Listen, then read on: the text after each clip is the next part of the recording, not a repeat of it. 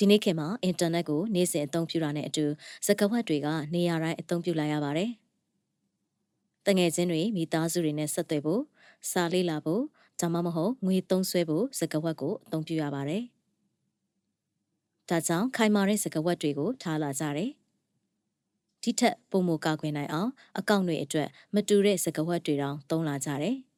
။ဒါပေမဲ့ပြဿနာကမိမိတို့အကောင့်ကိုကာကွယ်ဖို့စကားဝတ်နဲ့တည်းမလုံလောက်ပါဘူး။ အခုခေတ်မှာအချက်အလက်ပေါက်ကြားမှုတွေကကမ္ဘာတဝန်းမှာပုံမှုများပြားလာပါတယ်။ဒါဆိုဘာလုပ်ကြမလဲ။အဖြေက two factor authentication နှစ်ဆင့်ခံလုံခြုံရေးဖြစ်ပါတယ်။သူ့ရဲ့အတူကောက်က 2FA ဖြစ်တယ်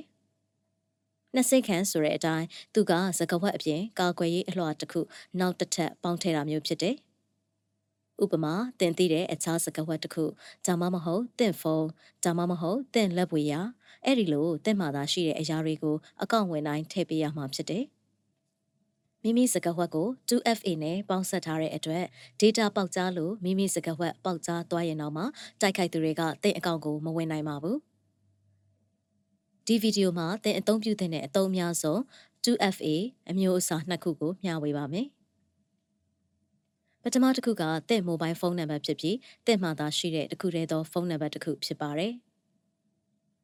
2FA ရဲ့ idea ကစကားဝတ်ကိုသိပြီးဒီဖုန်းနံပါတ်လေးရှိကြောင်းသက်သေပြခြင်းနဲ့တင်အမှန်တကယ်ဖြစ်ကြောင်းသက်သေပြနိုင်တာမျိုးဖြစ်ပါတယ်။အကောင့်ကိုစကားဝတ်နဲ့ဝင်တဲ့အခါအကောင့်ကတင့်ဖုန်းနံပါတ်ကို708630လိုမျိုးတစ်ချိန်သုံးခဏန်းကုတ် message တစ်စောင်ပေးပို့ပါလိမ့်မယ်။ တင့်ဖုန်းမှာ message လက်ခံရရှိရင်အကောင့်မှာအဲဒီကုတ်ကိုထည့်လိုက်ပါ။ဒါဆိုအကောင့်ဝင်နေတာကတင့်ဖြစ်ကြောင်းကျူးကျော်ဝင်ရောက်သူမဟုတ်ကြောင်းသက်သေပြနိုင်ပါပြီ။ဥပမာအနေနဲ့ Gmail ကိုအသုံးပြုပြီးသင်ဖုန်းနံပါတ်ကို 2FA အဖြစ်သတ်မှတ်ကြည့်ကြပါစို့ setting ကိုရှာဖွေဖို့ Gmail ရဲ့ညာဘက်အပေါ်တောင်းရှိသင် profile ပုံကိုနှိပ်ပါသင် Google အကောင့်ကိုစီမံပါကိုရွေးပါပြီးရင်လုံခြုံရေးတို့သွားပါ 2FA စနစ်ကိုထည့်သွင်းဖို့ပိတ်နေပါကနှစ်ဆင့်အတည်ပြုခြင်းကိုရွေးပါ get started ကိုနှိပ်ပါနိုင်ငံကုတ်ဖြင့်တင့်ဖုန်းနံပါတ်ကိုထည့်ပါ text message ကိုရွေးပါ next ကိုနှိပ်ပါ Google ထံမှ message ကိုလက်ခံရရှိတာနဲ့ကုတ်ကိုထည့်သွင်းပါ ဒုတိယတစ်ခုက application သုံးပြီး 2FA ကိုဘယ်လိုတက်ဆင်ရမလဲဆိုတာလေ့လာကြည့်ကြပါစို့ဒီရွေးချယ်မှုက digital အကောင့်များစွာအသုံးပြုနေရတဲ့ကျွမ်းကျင်အလုပ်လုပ်သူများအတွက်ပုံမသင့်လျော်ပါတယ်။ Google Authenticator, Microsoft Authenticator ဒါမှမဟုတ် Twilio Auth ကဲ့သို့ app တွေရှိပါတယ်။ Google Authenticator app အသုံးပြုပြီးသင်ခန်းစာတစ်ခုပြပါမယ်။ဒီသင်ခန်းစာအတွက်ကွန်ပျူတာတစ်လုံးနဲ့ mobile phone တစ်လုံးလိုအပ်ပါလိမ့်မယ်။ Google Play Store ဒါမှမဟုတ် iOS App Store မှာ Google Authenticator app ကိုရှာပြီးထည့်သွင်းပါ။ setting များကိုရှာဖွေဖို့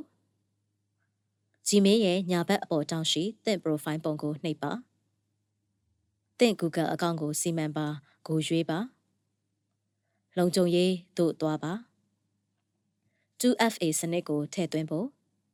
ပိတ်နေပါကနှစ်ဆင့်အတည်ပြုခြင်းကိုရွေးပါ။ Get started ကိုနှိပ်ပါ။ Authenticator app အောက်ရှိတက်ဆင်မှုကိုနှိပ်ပါ။ scan ဖတ်ရန်အတွက် QR code ကိုတွေ့ရပါမယ် Google Authenticator app မှာညာဘက်အောက်တောင်ရှိ plus သင်္ကေတကိုနှိပ်ပါ QR code ကို scan ဖတ်ပါအချိန်နဲ့အမျှပြောင်းလဲနေတဲ့ခဏန်း6လုံးကုတ်အသစ်တွေကိုသင်တွေ့ပါလိမ့်မယ်။သင်ကြည့်မေးအကောင့်မှာ Authenticator app မှာကဏန်း6လုံးကုတ်ကိုထည့်ပါ။ဒါဆိုအခုသင်အနေနဲ့ 2FA စစ်မှန်ကြောင်းအထောက်ထားပြတာကိုအသုံးပြုဖို့အဆင်သင့်ဖြစ်ပါပြီ။စကားဝတ်ကိုအသုံးပြုပါကနှစ်ဆင့်ခံလုံခြုံရေးကိုအသုံးပြုဖို့လိုအပ်ကြောင်းကျေးဇူးပြု၍သတိရပေးပါ။